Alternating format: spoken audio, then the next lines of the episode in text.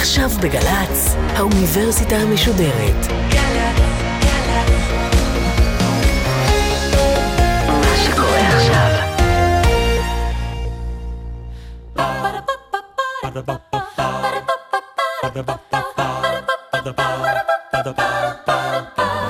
האוניברסיטה המשודרת מציגה מבוא ל עם קובי מידן, והסמסטר פמיניזם עכשיו, והפעם שיחה עם הדוקטור חנה ספרן, חוקרת ומרצה במכללה האקדמית לחברה ואומנויות על ההיסטוריה של הפמיניזם. עורכת ראשית, מאיה גאייר. שלום לכם. אנחנו פותחים סמסטר חדש, שני, של האוניברסיטה המשודרת במתכונתה החדשה, יותר נכון להגיד במתכונות החדשות שלה. הפעם ובקורס הזה אנחנו מדברים על פמיניזם, בדיוק כך. תכף ננסה לענות על השאלה למה גבר צריך להגיש סמסטר על פמיניזם, אבל לפני זה ננסה לשרטט יחד את קווי המתאר של הקורס שאנחנו מציעים לכם היום. באופן גס ניתן לחלק אותו לארבעה, שלוש ההרצאות הראשונות הן הרצאות מבוא, נעסוק בהיסטוריה של הפמיניזם, ברעיונות הפילוסופיים המרכזיים שהזינו אותו, ובעמדה המדעית המחקרית באשר לקיומו של מוח נשי וגברי, כלומר בבסיס טבעי אפשרי לדיכוטומיה הזאת של גבר אישה. עד כאן החלק הראשון של הקורס. אחר כך ברבע השני של הסמסטר הזה נתרכז בעיסוק הפמיניסטי בגוף האישה, במיניות שלה, במקום של אימהות בתוך המארג הזה, בייצוג של נשים. בהמשך נעבור לאלימות המינית, נושא שזוכה להתייחסות נרחבת, גם מעשית וגם תיאורטית כבר כמה עשרות שנים. מעלה גם כמה טענות נוקבות על שדה המאבק הזה שבין נשים לגברים. נדבר על חקיקה פמיניסטית, נדבר על הנוכחות הנשית בפוליטיקה, ונגיע גם לשאלת הקריירה והתעסוקה, שכר שווה, הזדמנויות שוות וכולי. אם אתם עדיין איתי, אני אספר לכם שברבע המסיים של הסמסטר השאפתני הזה, אנחנו נקדיש את השיחות לפמיניזם בישראל היום. זה רבע שחשוב לנו לא פחות מאחרים, ואולי אפילו מעט יותר. פמיניזם מזרחי, פמיניזם דתי, פמיניזם בצבא. ובהרצאה האחרונה, המרצה, הגבר היחיד בסמסטר, ידבר על גבריות ופמיניזם. וכאן אולי גם מתקשרת התשובה לשאלה למה דווקא גבר צריך להגיש את הסמסטר הזה, והתשובה היא כן, דווקא גבר. או בפרפרזה על הביטוי הכל כך ידוע ושחוק של סימון דה בובואר, גם גבר לא נולד גבר, אלא נעשה גבר.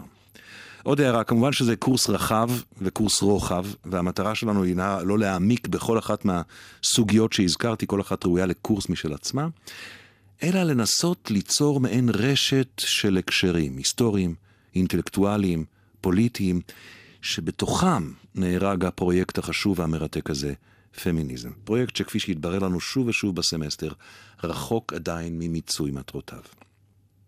עד כאן ההקדמה, ומכאן להרצאה הראשונה, מבט ראשון כללי מאוד על ההיסטוריה של הפמיניזם. הדוקטור חנה ספרן היא חוקרת של היסטוריה פמיניסטית, מלמדת לימודי מגדר במכללה בנתניה, היא הרבתה לחקור את תולדות הפמיניזם בארץ ישראל, וגם לקחה ולוקחת חלק פעיל בהיסטוריה הזאת במדינת ישראל, בין השאר בשותפות להקמת מקלט החירום הראשון בחיפה, קו החירום הראשון לנפגעות אלימות, והיא האורחת הראשונה שלנו. שלום, דוקטור חנה ספרן. שלום רב. תראי, אנחנו מדברים על אה, כ-50% מהאוכלוסייה, ואני מתאר לעצמי, ואני בטוח, שנשים חזקות היו תמיד, ובמסגרת זו גם היו נשים שלא קיבלו את הסדר הפטריארכלי המקובל ההיסטורי. אתה יודע, שתי דוגמאות כמעט אה, מקריות, דבורה הנביאה, כאישה חזקה, או ליזיסטרטה האתונאית שארגנה את אה, חברותיה האתונאיות למרד מין עד שלא יהיה שלום. סתם שתי דוגמאות אגביות. אבל לא היית מגדירה אותן כפמיניסטיות, או במילים אחרות, אנחנו כאן כדי לדבר על הפמיניזם כתופעה היסטורית. וכתופעה היסטורית, מהי נקודת ההתחלה העקרונית שהיית מסמנת? דווקא אני אשמח אה, לקרוא לדבורה ולליזיסטרט, האחיות שלי, ולנכס אותם אל הפמיניזם. כי כמו שאמרת, אה, נשים חיו מאז ומעולם, הם אה, בוודאי אה, לחמו על הזכויות שלהם, בתוך הקבוצה, בתוך השבט, בתוך הקהילה. אנחנו הולכות עם הפמיניזם המודרני אל המהפכה הצרפתית, 1789. והסיבה שעשינו את זה, או שהפמיניזם המודע והאקדמי עושה את זה, היא כי אז בעצם גם גברים וגם נשים מתחילים לראות את עצמם, תופסים את עצמם כבעלי זכויות, מה שהיום אנחנו קוראים בעידן המודרני זכויות אזרח. אבל מאותו רגע של המהפכה הצרפתית, שהדרישה הזאת עולה על הפרק, היא לא באה לדבר בשמם של נשים. ואנשים היו צריכות באותו רגע בדיוק, באותו רגע היסטורי בדיוק, גם להגיד בקול רם, גם אנחנו בני אדם. כלומר, התחנה הראשונה היא המהפכה הצרפתית, לא מכיוון שאז התחיל המאבק, אלא כמנבט את, ה, את הכלים המחשבתיים שיאפשרו את המאבק הזה. כן, ומכניסה אותו גם לתפיסת העולם שאליה אנחנו רגילים. כי אנחנו לא יכולים לדמיין לעצמנו, את, נכון, איך חיו ומה חשבו במאה ה-15, או מה ואיך חיו הילידים של אוסטרליה לפני שהגיעו הלבנים. כלומר, התחלת השיח של הזכויות הטבעיות מנבט או מכניסה אותנו לאזור שמוכר לנו. כן, כי שם אנחנו, על זה אנחנו מדברים. זה השיח של השלוש מאות שנה האחרונות, שבו אנחנו עדיין מצויות, מצויים לטוב ולרע. ואת המאבק הפמיניסטי כשלעצמו, את המאבק של הפמיניזם המודרני כשלעצמו, איפה היית מתחילה, מסמנת בנקודת ההתחלה שלו? במילה פמיניזם הייתי מתחילה בתחילת המאה ה-20, בגלל שגם לא השתמשו במילה פמיניזם, וגם תלוי איפה, בברית המועצות, בטרום ברית המועצות ברוסיה, במאה ה-19 יש ויכוח מאוד סוער על מעמד האישה, וכתיבה גדולה על, על שאלת האישה, הנשים. אה, במקומות אחרי, אחרים, בעולם הערבי, אבל הגלים של הפמיניזם, שאנחנו רואים כתנועה שיוצאת לרחובות, שיש לה מסר שהיא באמת אה, משהו אה, לוחם וקורא לשינוי, אנחנו מדברים על המאה ה-20, הגל הראשון, שנגמר עם סוף מלחמת העולם הראשונה, שתחילתו כבר בתחילה, בתחילת המאה ה-19, והגל השני שמתחיל בשנות ה-70, ואחר כך השלישי, ואולי הרביעי, זה כבר... ננסה לשרטט קווים כן. של שלושת או ארבעת הגלים האלה, אבל לפני זה, את מתחילה את זה בתחילת המאה ה-20. אני רוצה לשאול אותך מה קרה לאורכה של המאה ה-19, כי גם אז היו כן, מאבקים. אני באמת הייתי מחזירה אותנו רגע לסוף המאה ה-18 עם המהפכה הצרפתית, גם בגלל שאנחנו נוהגות בהיסטוריה של הפמיניזם לדבר על מרי וולסטון קראפט, אה, שכתבה ספר שעוסק בזכויות נשים, אה, ופרסמה אותו ב-1792 באנגליה. היא עיתונאית, היא נסעה לצרפת, היא הייתה מהפכה מהפכה הצרפתית, וזו הפעם הראשונה שבאופן מאוד מסודר ומנוסח עולות על הפרק התביעות של נשים, והתביעה הרצינית והמרכזית שלה זה העניין של חינוך. אם בנות יקבלו חינוך דומה למה שמקבלים הבנים, אז הם יוכלו להשתתף בכל חיי הקהילה אה, וחיי המדינה וכולי וכולי. וזאת דרישה שעולה בסוף המאה ה-18. לגמרי, באופן מאוד מובהק, באופן מאוד רציני. הספר הזה אה, מתגלגל לארצות הברית ולהתחלה של מה שהתנועה האמריקאית רואה התחלה, התנועה הפמיניסטית האמריקאית ב-1848, בסנקה פולס, יש שם כנס ונשים מתכנסות. ומודיעות שהן עכשיו תובעות את הזכויות של גברים באותה מידה אה, לנשים, והן עושות דבר מאוד פשוט. הן לוקחות את ההצהרה של הקמת ארצות הברית, אה, We here by declare that all men are born equal, ואומרות, חבר'ה, We here by declare that all men and women are born equal. אז זה 1848 בארצות הברית, אבל אם נרחיב את המבט על כל המאה ה-19, דיברת על נושא אחד שעולה מסוף המאה ה-18, והוא התביעה אה, לחינוך כן, שווה. כן. עוד נדמה לי נקודה ש... או תביעה שהיא מרכזית למאה ה-19, היא התביעה לזכות הצבעה. כן, כן. אה, בסנקה פול זה גם מתחיל, הרעיון הזה שנשים אה, צריכות לקבל זכות להצביע, לבחור ולהיבחר. זה עדיין לא לגמרי טריוויאלי בארצות הברית, גם אנשים שחורים לא בוחרים, ולא לא גברים ולא נשים וכולי. הנשים שהחליטו ב-1848 לקחת את זה כנושא ולהיאבק עליו, לא זכו להצביע. כי זכות ההצבעה לנשים התקבלה בארצות הברית רק אחרי מלחמת העולם הראשונה, וגם אז בהדרגה. זאת אומרת שמאבק של 70 שנה, הצטרכו, נזקקו לו כדי להגיע ל- לקבל את זכות ההצבעה.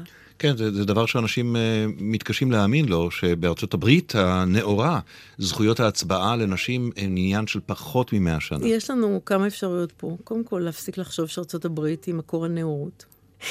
ושנית, להבין שזה הרבה יותר מורכב. דווקא ארצות כמו ניו זילנד, פינלנד, שוודיה, נורבגיה היו הראשונות שנתנו זכות הצבעה לנשים. וכשאנחנו מדברים על המאה ה-19 עדיין, לפני הגלים הפמיניסטיים המודרניים, דברי איתי מעט על היחסים בין המושג פמיניזם לסופרג'יסטיות האירופאיות. כן, במאה ה-19, בגלל שאחד המאבקים הרציניים, ואני אומרת אחד, כי היו עוד, אה, היה מאבק לזכות הצבעה, אז לקראת סוף המאה ה-19, נשים מחליטות שהן אה, תעשינה מאבק אה, רציני ומסודר ומאורגן, והן נקראות הספרג'יסטיות. ספרג' זאת מילה באנגלית, זכות הצבעה.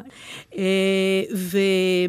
המאבק הזה לזכות הצבעה של נשים הופך להיות מאוד ממוקד, מאוד אה, אה, מאורגן, במיוחד אה, בארצות שהייתה התנגדות. כמו אנגליה, ארה"ב, צרפת, ארצות שההתנגדות נגד הזכות הצבעה לנשים הייתה מאוד חזקה.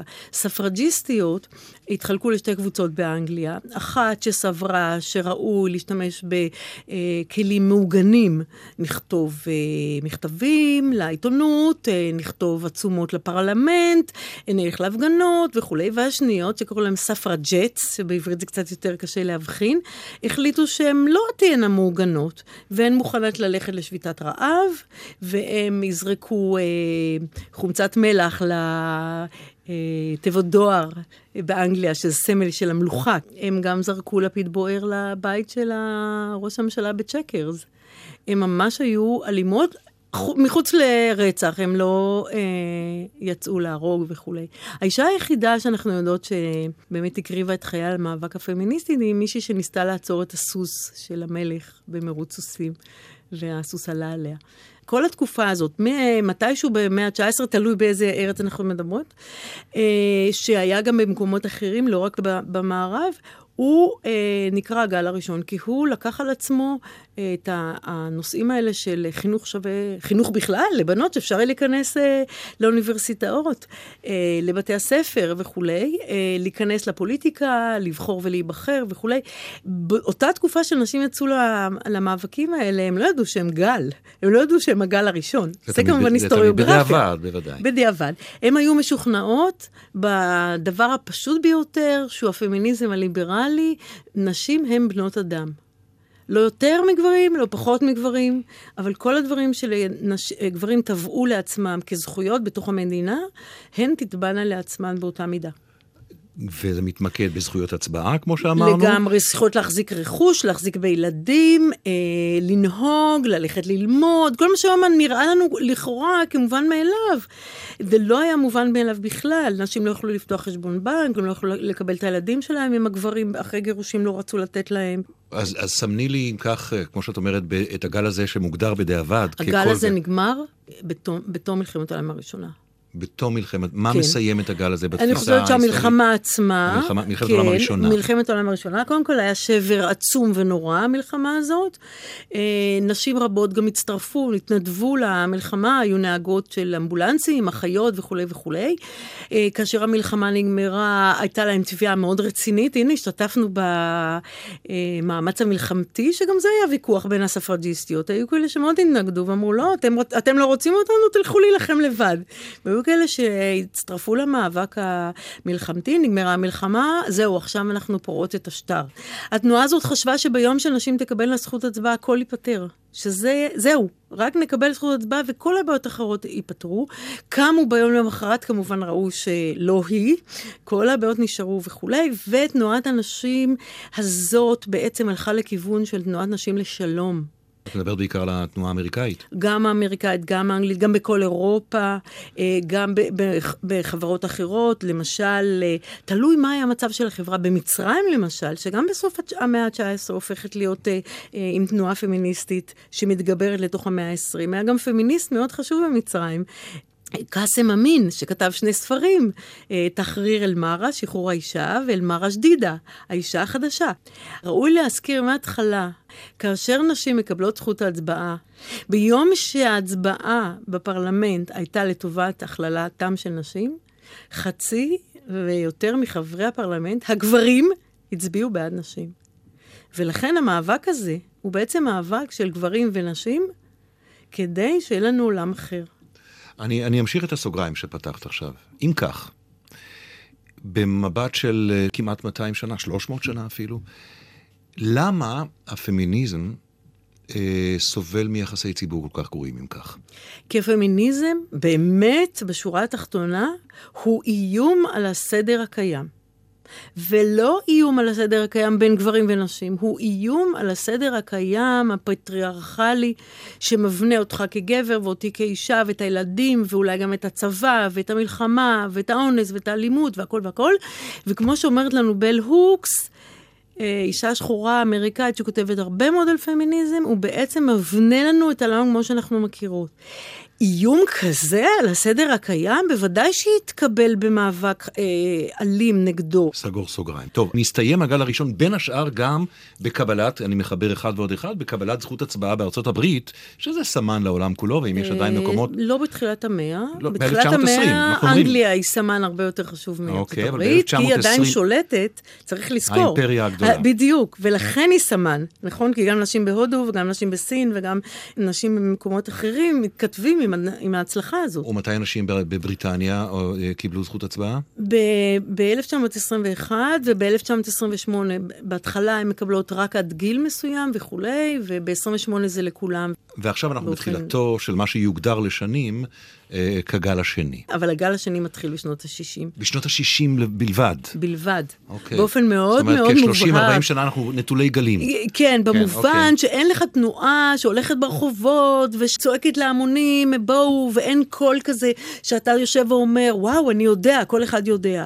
לא, הגל מסמן איזשהו תהליך חברתי שבו כולם אמורים לדעת. ובשנות ה-60, של מרכזיות, של דומיננטיות בשיח הציבורי. לגמרי. אוקיי. בשנות ה-60 יש מהפכה בכלל, מהפכה חברתית, יש לנו את השינויים אדירים, כמו כניסתה של הגלולה, כמו שיבתם של השחורים שלחמו מלחמת העולם השנייה לארצות הברית, וכניסתם לתוך מערך הלימודים והאוניברסיטאות. יש את המאבק של ההומואים והלסביות והטרנסים שמתחיל בסטונוול ב-69. זה עשור מאוד מאוד מאוד של תקווה, של אה, מהפכות שיש להם איזה חזון. בתוך זה יש גם התנועה הפמיניסטית, שהרבה פעמים צומחת מזה שבתנועה... התנועות האחרות, נשים מגלות שהן יכולות להיות מאוד חשובות, לעשות את כל העבודה, אבל כשצריך לייצג או לעמוד מעל במה וכולי, הן לא יהיה להן מקום. אז אם אנחנו רוצים ככה ממעוף הציפור, אה, לסמן את הגל השני הזה, שתחילתו כאמור בשנות ה-60.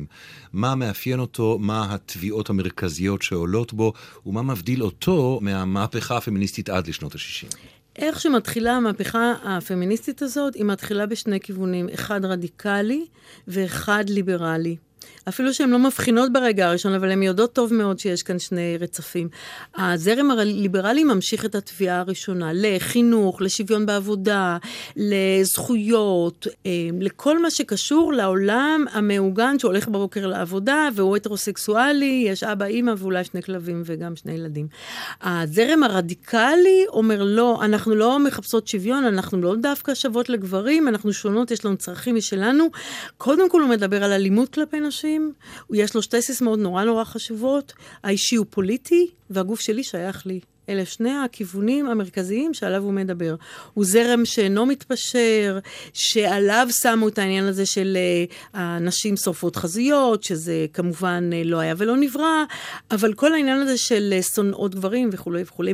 שוב, מדוע? מפני שהוא מעורר התנגדות מאוד עזה. הוא הזרם שבל הוקס קוראת לנו ואומרת, פמיניזם זה לכולם.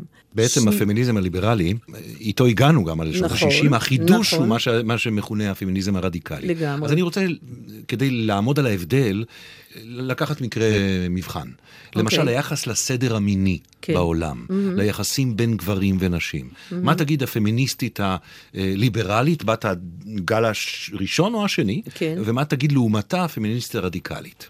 הפמיניסטית הליברלית תגיד, כי הזכויות של הגברים מגיעות גם לנשים, שגם היא רוצה ללכת לעבודה, שלמשל, אם החוק אומר שאם אישה היא מורה ברגע שהיא מתחתנת היא צריכה להתפטר, אז לא. היא זכותה ללכת לעבוד, זכותה לקבל שכר שווה, לעבודה שווה וכולי. הפמיניסטית הרדיקלית תגיד, קודם כל, שהבחירה המינית היא באדם שלנו, אני לא חייבת לא להתחתן, בטח לא להתחתן עם גבר, לא להתחתן ואחר כך לסבול מההתערבות של המדינה ברגע שאני צריכה להתגרש.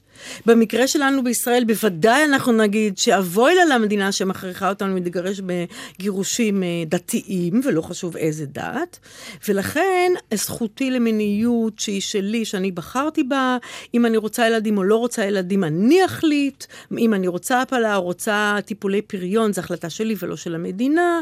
וכל מה ששייך לזכויות שלי כאישה, במיוחד בנושא של אלימות. הקמת מרכזי סיוע נפגעות אונס, אה, מקלטים לנשים מוכות, להגיד על השולחן, יש כאן אלימות כלפי נשים, ואנחנו נמאס לנו לחיות בעולם שמהרגע שאנחנו יוצאות מהבית, אנחנו נתקלות באלימות, ועוד שנייה, רגע, גם בבית יש אלימות, וזה לא עניין פרטי. הפרטי הוא ציבורי, האישי הוא פוליטי, כי גם בבית אסור לך לאנוס אותי. החוק באנגליה ובישראל בעקבות אנגליה לא השתנה עד שנת 88. אם גבר אנס את אשתו, היא לא יכלה ללכת להתלונן, כי זה היה מותר לו. הבאת אותנו ככה כבדרך אגב, אבל ממש uh, בשמחה, אל החוף הישראלי, או החוף הארץ-ישראלי. כמה מילים על, על הציונות, נאמר, אה, מול, מול התנועה הפמיניסטית וה, וה, והשנים הראשונות. הציונות היא, היא תנועה שנניח היה לה ביותר מקום לשחרור האישה, זה המיתוס שאני גדלתי עליו. הציונית נורא נורא טובה בלספר לנו סיפורים ולגדל מיתוסים. אנחנו גדלנו בתוך מיתוס, כולנו, לא חשוב איפה גדלנו, שאנשים, היה להם שוויון בתנועה הציונית. ככה חונכנו להאמין, הוא פשוט לא נכון. מי שחשפה אותו באופן ממש רציני ומחקרי וכולי, הייתה אה, פרופסור דבי ברנסטיין, בספר של האישה בארץ ישראל, שם היא כותבת על זה באופן מפורש, היא מראה את זה במכתבים של הנשים האלה. למה לנו להרחיק עדות? פשוט יש לקרוא מה הם כתבו ביומנים שלהם. למה הקימו את תנועת הפועלות? למה, מה שהיום אנחנו קוראים נעמת, למה צריך להקים תנועה לנשים? הרי הם מקימים תנועה רק כשיש בעיה. אם הקימו תנועת פועלים, נכון? שרצתה פה, היה לה איזה חזון לעשות פה, אז מה הבעיה? למה נשים צריכות להיות לחוד? בגלל שהן מרגישות שיש אפליה נגדן, שכשיש עבודה לא נותנים להם את זה. כשיש אה, מקום שצריך לעלות לקרקע, הן משמשות כמי שיבשלו ויכבסו. וככה המוסדות, דרך אגב, המיישבים התייחסו אליהם. אם עלתה קבוצה להתיישבות, המייסדות, המוסדות המיישבים נתנו את הכסף רק לפי הגברים. ולא לפי הנשים. אז כל המיתוס הזה של השוויון הוא פשוט לא נכון, והוא עשה לנו חיים מאוד מאוד קשים כשבאנו בשנות ה-70 לדבר על פמיניזם. למה? מה אתם רוצות? הכל פה נהדר, יש לכם גם ראש ממשלה אישה, מה אתם רוצות? וגם אנחנו אמרנו לעצמנו. ואנחנו לא יודעות, גם גברים וגם נשים, להגיד ב-1975, שמרשה פרידמן הייתה חברת כנסת, ואמרה בריש גלי אני פמיניסטית, להגיד שיש אלימות כלפי נשים, חייב אותה להיות אמיצה ולספוג עלבונות וקללות בכותלי הכנסת. דוגמה נחרצת היא ההצעה שלה ב-75, לעשות חוק נגד אלימות כלפי נשים. וזה, וזה התקבל בגיחוך, בגיחוך לגמרי, בכנסת. לגמרי, אפשר עד היום לקרוא את זה ברשומות של הכנסת. ואז במסגרת הדגש של הגל השני על המאבק כנגד אלימות נגד נשים, גם החלו לקום כאן בארץ המרכזים לסיוע לנפגעות אונס ואלימות. נכון. הראשון היה בחיפה, נכון? Hey, אה, המקלט הראשון היה בחיפה,